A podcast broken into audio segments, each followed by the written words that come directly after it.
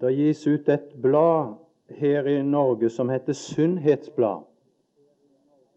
Jeg vet ikke om noen kjenner til det, men i alle fall Det har via hele sin interesse til å gi oppskrifter og undervise om det som kan være sunt for det naturlige mennesket.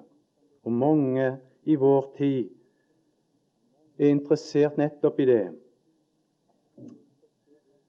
Men i timen som vi hadde her klokka seks, så fikk vi oppskrift til et sunt liv i troen. Den sunne lære ble forkynt for oss. Og det, det er vidunderlig. Og det bestod i dette å kjenne sannheten, å leve i sannheten. Jeg skal ikke gå inn på det eller nevne noe av det som han sa, men skulle gjerne ønsket flere, og kanskje alle av oss, var samla til å få lytte til den bibelske oppskrift, til å kunne ha det sunt og godt i sitt trosliv her i verden. Jeg vil knytte mitt vitnesbyrd i kveld, siden vi skal gjerne har tenkt å være samla om, om, dette, som selvfølgelig er et så omfattende emne, Kristi kors. Så vil jeg bare lese noe som vi finner i Johannes evangeliet, jeg òg. Jeg skal ikke komme borti det som Knut Arne har dratt opp for oss. Men jeg skal lese tre plasser et uttrykk finnes det i Johannes evangeliet. Det ser nemlig ut for at Peter, når han taler om korset, så bruker han ett uttrykk. Han taler helst om treet. Paulus, når han taler om Kristi kors, så taler han om korset og korsfestelsen og bruker det uttrykket. Men Johannes han, han har et eget uttrykk. Og Knut Arne var inne på det i går kveld fra det åttende kapittelet. Vi har allerede tidligere kvelder lest litt av det, men jeg vil lese fra det tredje kapittelet hos Johannes. Der finner vi denne tanke og denne sannhet om Kristi opphøyelse. Fra det 14. til det 16. vers leser jeg bare. Og dette uttrykk, sier jeg med en gang da, det, det bruker Johannes, for det forklarer han i det tolvte kapittel. Med disse ord Dette sa han når han brukte, altså Jesus brukte uttrykket 'opphøyet'. Dette sa han for å gi til kjenne hva for en død han skulle dø. Fra det 14. vers. Og like som Moses opphøyet slangen i ørkenen. Således skal, eller må, menneskesønnen opphøyes, for at hver den som tror på ham, skal ha evig liv. For så har Gud elsket verden, at han gav sin sønn, den enbårne, for at hver den som tror på ham, ikke skal fortapes.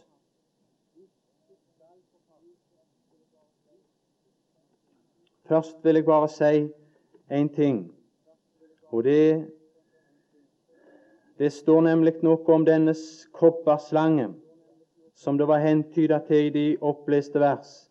Det står nemlig noe sørgelig som skjedde med den. Og hvis den taler for oss om Kristi kors, så må det vel være et forbilde med det som òg har skjedd med sannheten om Kristi kors. I andre kongebok, i det 18. kapittel der, og i det fjerde vers, så står det noe som jeg synes er alvorlig. Og det er kanskje på sin plass å lese det og gjøre oppmerksom på det.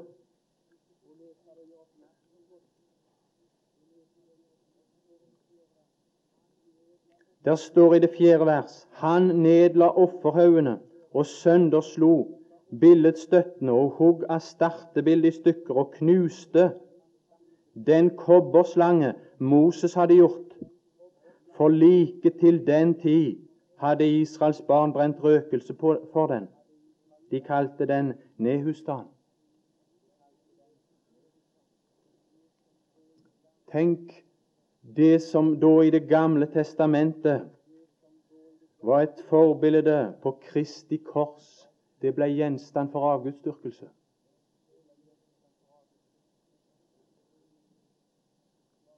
Og jeg tror ingen som bare kjenner litt til historien, vil være uenige i dette at Kristi kors har blitt gjenstand for avgudsdyrkelse ned gjennom tiden, i den romersk-katolske kirka i særdeleshet. Hvorledes var det, og hvorfor var det, at dette skjedde? Bare la oss slå over til det 17. kapittel og det 9. vers der. Der står hele grunnen. Og Israels barn tilhyllet Herren sin Gud med ord som ikke var rette, og de bygget seg offerhauger på alle sine bosteder osv. Så, så den eneste måten vi kan bevares i sannheten om Kristi kors, det er at Gud får åpenbare seg gjennom Kristi kors for oss, så Han ikke blir tilhulla med at vi taler så mange ord om det, men at vi kunne tale rette ord, og de rette ord om Kristi kors, som gjør at det ikke blir avgudsdyrkelse. Det er Skriftens ord. Og holder vi oss til dem, så skal det ikke bli avgudsdyrkelse. Men så skal vi få se, når vi leser de sammen og blir oppmerksom på de sammen, vidunderlige sannheter om den evige Gud.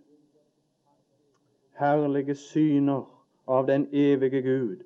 Og hva sted skulle da være mer vidunderlig for oss enn nettopp det oppleste sted? Og det er den første plass i Johannes evangeliet at nettopp dette uttrykk, Kristi opphøyelse på Hans kors, nevnes. Og her, den tanke som understrekes for oss her, er at menneskesønnen ble løfta opp. Og det er sånn som vi tidligere har sett, under Guds forbannelse, Guds hellige dom og vrede over synden. Men her, her er det som understrekes i guddommelig kjærlighet. For at, for at evig liv skulle kunne bringes til de som var under dom, under fordømmelse, som var fortapt. Guddommelig kjærlighet har hatt en hensikt med å nå oss. Og det skjedde ved den opphøyelse. Nå oss ikke bare med liv, men med evig liv. Så her var det altså Gud. Det var opphøyelse på Guds side her. Forklaringen var for så har Gud elsket. Men i det åttende kapittelet, og det leste han Knut Arne om i går og utla for oss, og det skal jeg ikke gå inn på for å forstyrre det, men jeg vil bare lese det som står i det 28. verset. jeg òg. For her er tanken nemlig det, så langt jeg iallfall ser, Kristi store person, Gud, menneske, den Herre Jesus. Han som, som sier det slik Jesus sa da, når dere får opphøyet menneskesønnen Og her her er det menneskenes opphøyer. Når dere får opphøyet menneskesønnen. Og hvem var så det? Da skal dere skjønne at det er meg, sånn som det ble sagt i går, at Han er Gud, at Han er Javé, at Han er Herren også i tillegg, og at jeg intet gjør av meg selv at han var det fullkomne mennesket, forena i én person. Men han ville de ikke ha. Han forkasta de. Han opphøya de. Her var det de som opphøya. Hvis vi leser i det tolvte kapittel, som også har vært borti, men jeg skal bare nevne det, for der er det en, enda en ting som kommer til. Og der er det dette som kommer til, at her er det djevelen, Satan, som leder an i alt dette. I det tolvte kapittel så er det verdens første som viste seg her. I det, i det 31. og 32. vers. Nu holdes dom over denne verden. Nu skal denne verdens fyrste kastes ut.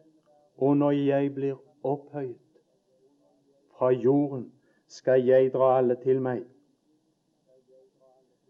I begynnelsen av dette kapittel så finner vi det og det er vel sikkert en forsmak på det kommende riket. De, de, de roper 'velsignet være Han som kommer i Herrens navn, Israels konge', sier de. Og Så kommer vi nedover til det 20. vers, eller det 19. vers, og da sier fariserene Det kommer liksom til et klimaks her i dette kapittel. All verden løper etter han. Og, og, og, så i neste vers så kommer til og med grekerne. Det er en periode, en tidsperiode i, i vente når all verden skal løpe etter den Herre Jesus. Der skal komme en tid når alle i sannhet skal løpe etter den korsfestede. Når jeg blir opphøyet, skal jeg dra alle til meg. Men det er ikke slik nå. Det er noen, bare noen enkelte av hedninger og jøder som nå blir dratt til den Herre Jesus ved å få ord om korset forkynt for seg. Og, og, for den verden i alminnelighet så står det slik i Efeserbrevet som vi kjenner til, at denne verden, denne tidsalders løp, det er ikke etter den Herre Jesus, men det er etter høvdingen over luftens makter. Den ånd som nå er virksom i vantroens barn. Men det skal komme en tid. Og vi kan samles og tenke på Kristi kors. Vi kan forkynne evangeliet om den opphøyelse som fant sted der. Og så er det noen som trekkes ut. Et annet hjerte som blir dratt hen av denne kjærlighet. Det syn og den opphøyelse, det som vi fikk høre i går kveld. Men det skal komme en dag når alle skal løpe etter Han. Men det som sies her, det er dette Verdens første her.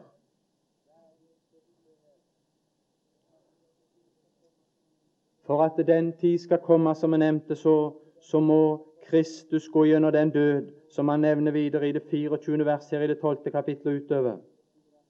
Han måtte gjennom det, gjennom sin død. Snart skulle mengden skrike noe annet.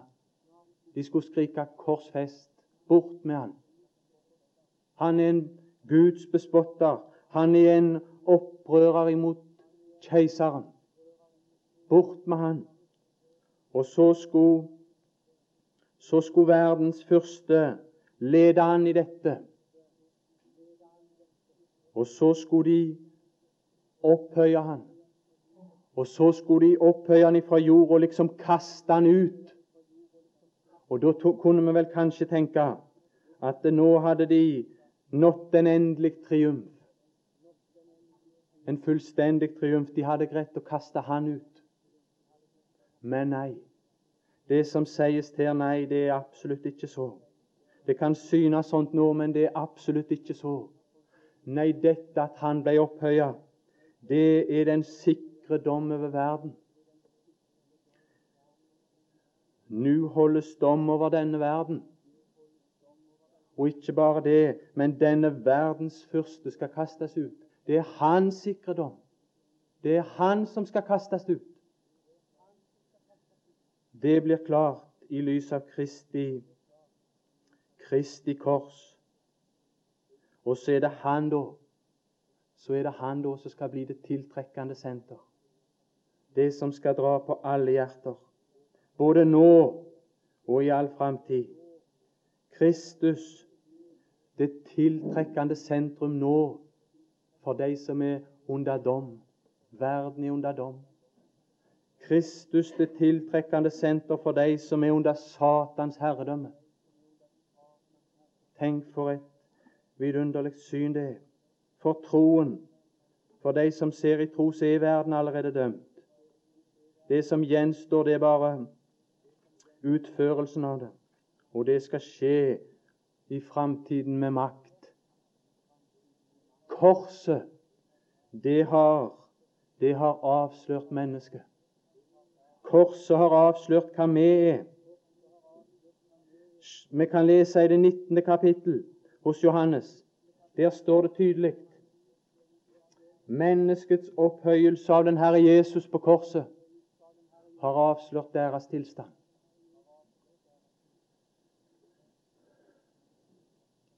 Men heldigvis, det første synet, det var det i Johannes 3.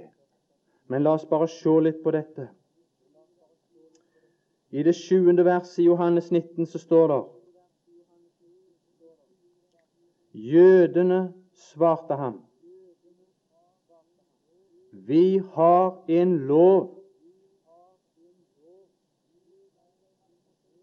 Jødene de hadde fått en lov fra Gud. Og den lov, den, sier de, etter den lov er han skyldig til å dø. Tenk det. De hadde fått en lov, og den hadde de virkelig fått ifra Gud. Og så er Guds sønn her foran dem.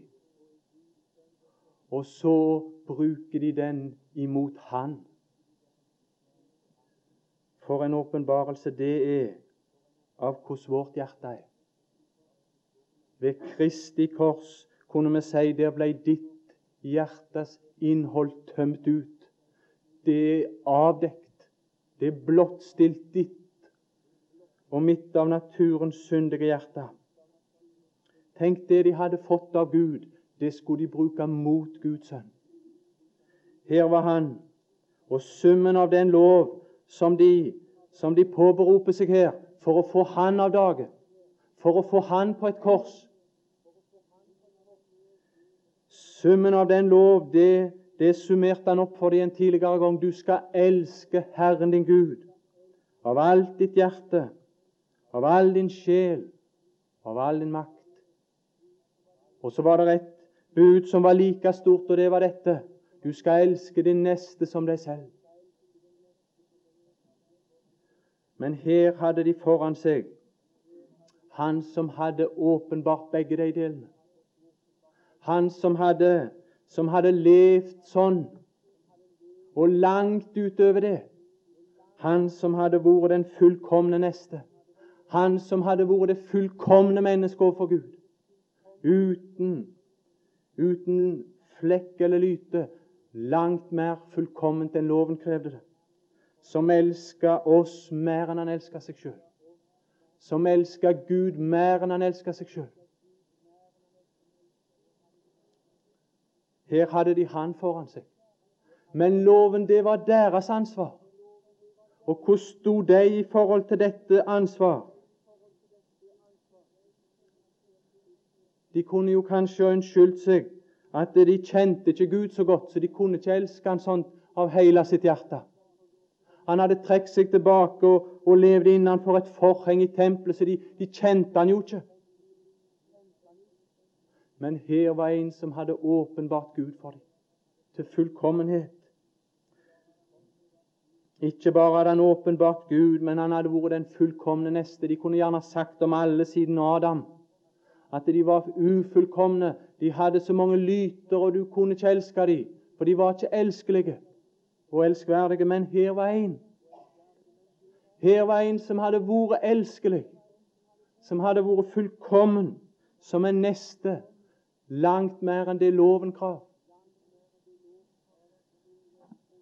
Bare la oss se i det 15. kapittel hva resultatet var.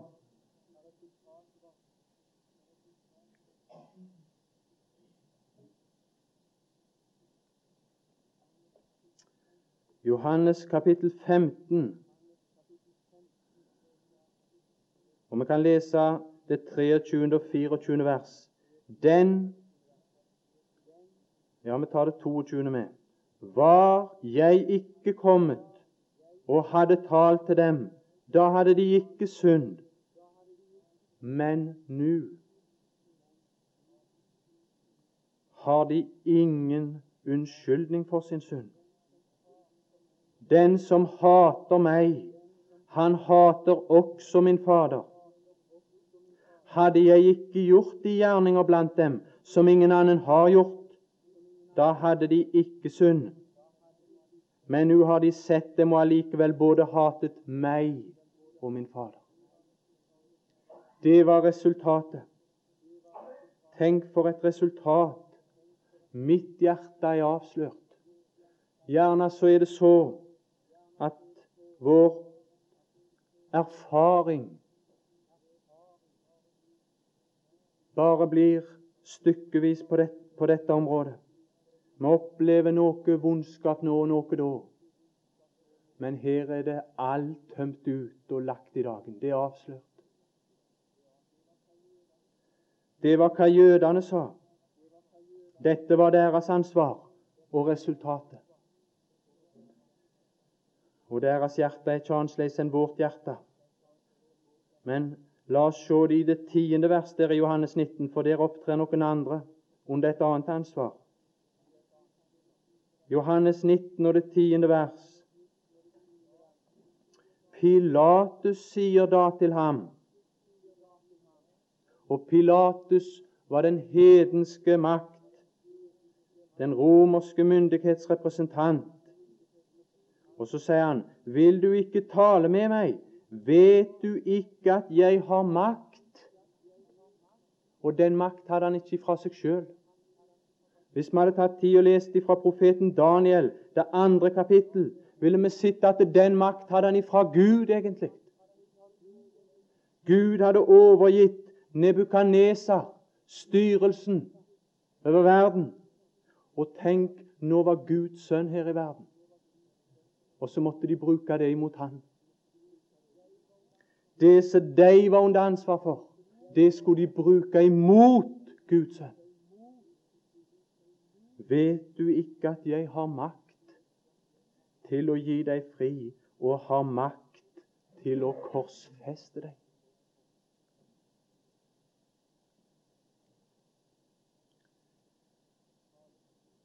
Det tales om mord i Bibelen, men det er litt forskjell på dem.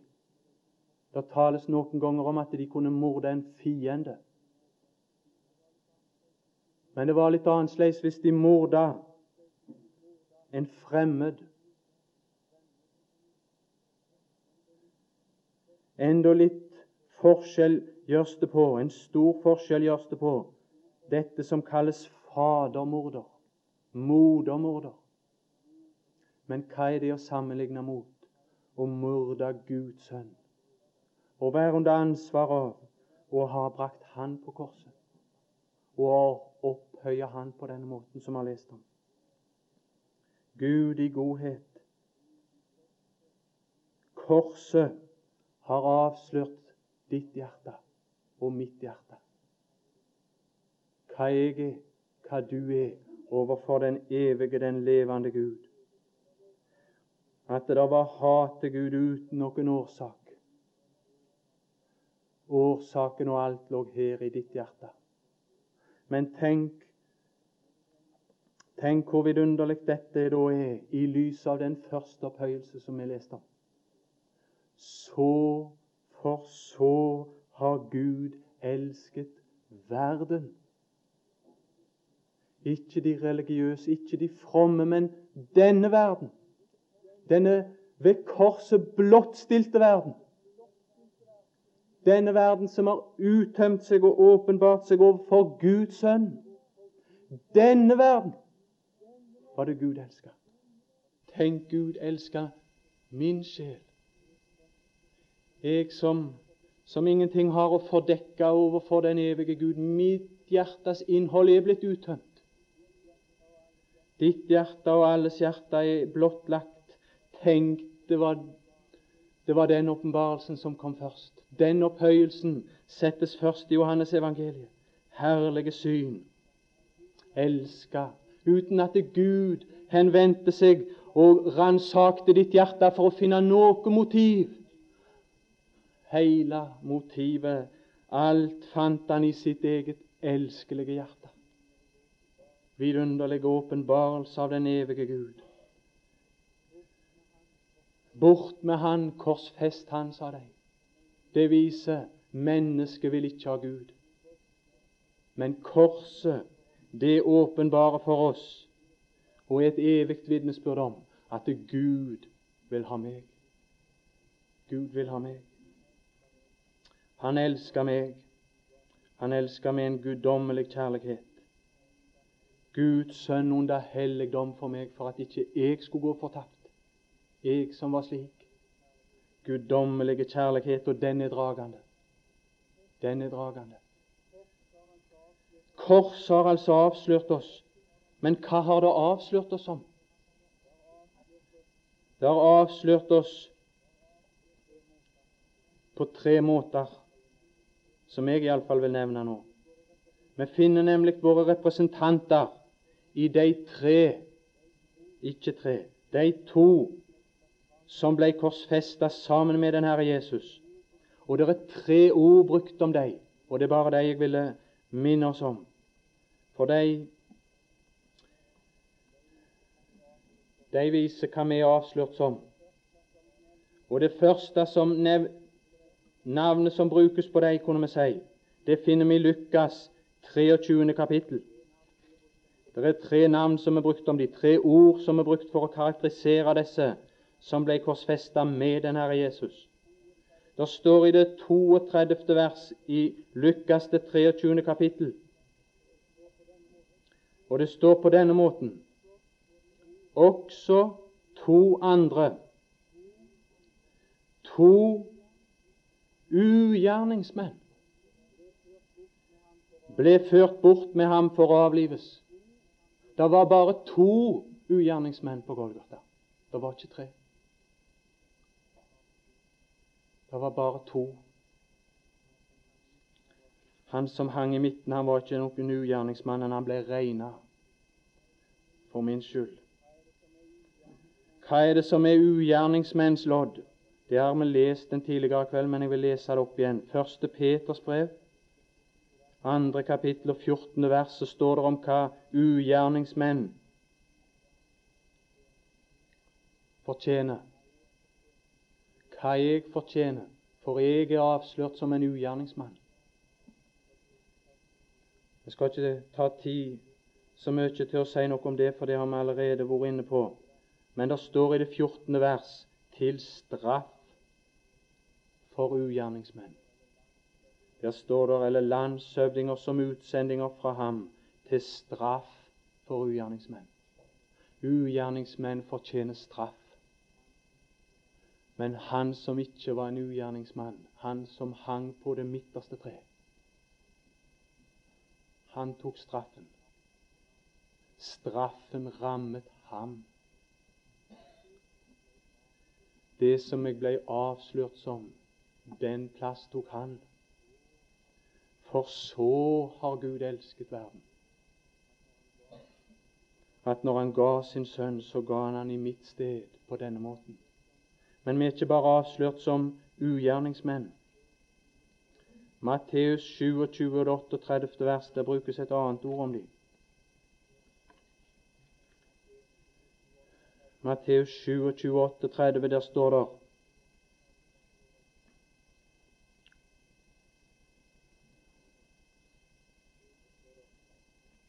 Da står det Matteus 27, 38. Da ble to røvere korsfestet sammen med ham.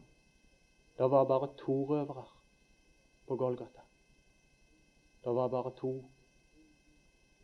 Og synden, den har gjort dette rov ifra Gud først og fremst. Synden har ført med seg at mennesket har berøva seg på noe av det som var Guds. Men det står om den Herre Jesus at han var ikke slik. Han hadde ikke, han hadde ikke vært slik, men Adam var en slik. Vi vet han, han gjorde rov, han. Synden har gjort et rov Den har frarana Gud det som rettelig tilkommer Gud. Ditt liv tilkommer Gud. Alt tilkommer Gud. Synden har gjort dette at det, det har blitt frarana Gud. Men det står et vidunderlig vers i Salme 69 og det femte vers der. På slutten så står det slik På slutten så står det slik Det jeg ikke har røvet. Det var bare to røvere på Golgata. Han som hang på det midterste tre, han var ingen røver. Han hadde ikke røva noe fra Gud. Det står om han i Filippenserbrevet, det andre kapittel, at han akta det ikke for et rov å være gudlik. Det var ikke noe rov. Det tilkom han. Men så står det noe om han her, og denne salme taler om den Herre Jesus på korset. Og hva gjorde så den Herre Jesus? Det jeg ikke har røvet, skal jeg nu gi tilbake. Den Herre Jesus var der på Golgata kors som et skyldoffer. Og så betalte han tilbake. Og Da var det i Det gamle testamentet en lov om at når de skulle gjøre opp igjen et sånt rov, noe som de hadde foruretta seg ved, noe som de hadde tatt hos en eller annen, så skulle de ikke bare gi igjen, men de skulle gi mer igjen. Sånn at den som var foruretta, skulle få mer enn før han hadde vært utsatt for dette rov. O, den Herre Jesus, hva han gav til Gud når han hang på Golgata kors, det kan ikke jeg si noe om. Men Gud har i alle fall framvunnet seg en evig herlighet i kraft av Kristi kors. Det skal jeg nå gi tilbake. Å, han har gitt tilbake til Gud. Og ikke bare har han gitt tilbake til Gud, men vi har fått mer. Det er nesten ikke til å forstå. Men vi har fått mer av velsignelse enn om det aldri hadde vært et fall. Hvem kan tenke seg å forstå det? Vidunderlige Kristus, herlige Golgata. Og herligere enn sted er Han som hang der, Han som gjorde dette. Guds elskede sønn. Én ting til I Lukas det 22. kapittel og det 37. vers så nevnes det siste uttrykket som i alle fall jeg har funnet. Det kan jo hende det er flere.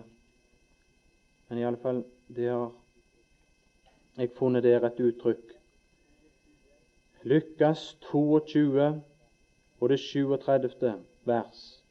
Og der, der er det gjerne ikke så lett å se at det, det har med disse som hang ved hans side der. Men hvis vi det skal vi ikke ta tid til, men i Markus går det klart fram. Markus 15, 28, der går det klart fram. Men jeg leser her. For jeg sier eder at dette som er skrevet, må oppfylles på meg, dette ord.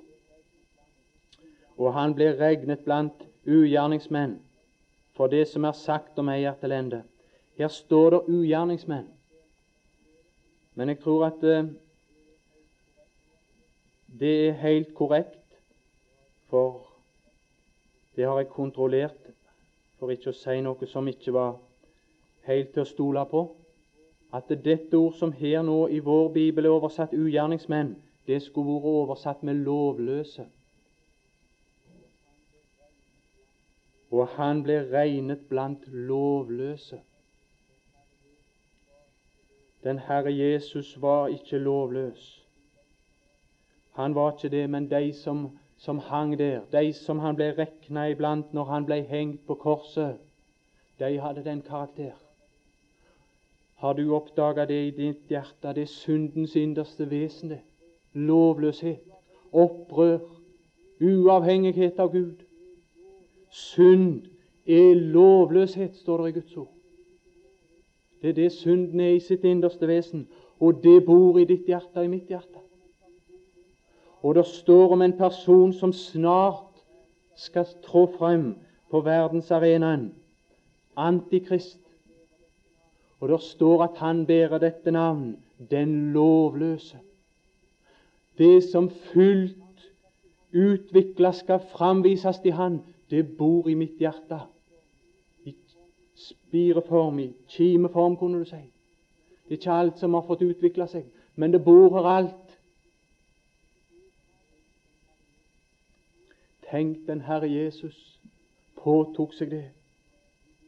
Det står i Guds ord om den Herre Jesus at han en dag skal komme, og så skal han ødelegge den lovløse.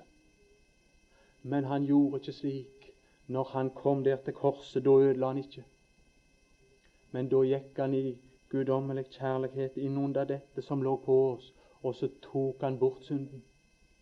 Der som dette, denne definisjonen, kunne du si, av hva synd det gis der i, i 1. Johannes brev, der det sies at det er lovløshet. Der står det rett etterpå. I det neste verset står det Og dere vet at Han er åpenbaret for å bortta våre synder. De som er lovløshet, de som er opprør mot Gud. Og synd er ikke i ham. Denne verden, denne verden av ugjerningsmenn, denne verden av røvere, av lovløse, denne verden var det Gud elska. Denne verden. Den verden er det der står om der er Johannes 3. Og der står der at han gav, for så har Gud elsket verden at han ga sin sønn til å bli opphøya. Det står en annen plass og fra et annet kapittel i Romerbrevet, det åttende kapittel, der står det Han som ikke sparte, men gav. Han som ikke sparte, men gav. Og da står det et merkelig ord, et ord i Malakias, profeten Malakias, som vi må lese for i alle fall synes jeg det legger til en tyngde i disse ord. Der står det i, i Malakias, profeten Malakias, det tredje kapittel og det 17. vers, på slutten av verset, så står det noe som er en allment godtatt ting. Der står det en mann sparer sin sønn som tjener ham. Ingen vil ha vansker med å godta det. I en fars hjerte så er det noe overfor sin sønn. Sjøl en fallen skapning, sånn som meg.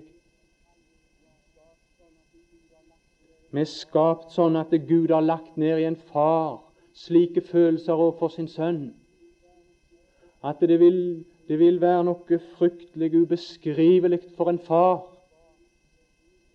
å ikke spare sin sønn. Nå leste Einar i går kveld og la vekten på den sannhet. Han sparte ikke, men gav. Han sparte ikke.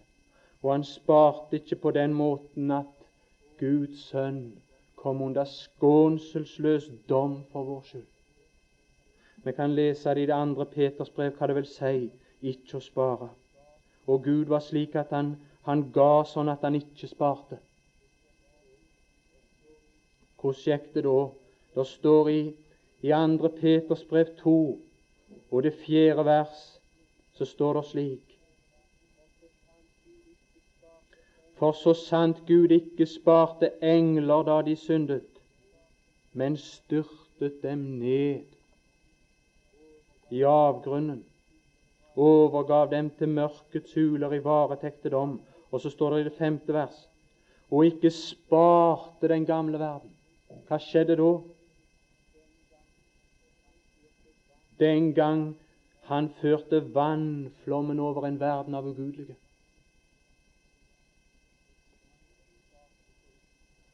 Når han ikke sparte, så, så ramma dommen. Men hva skal vi da si om Golgata?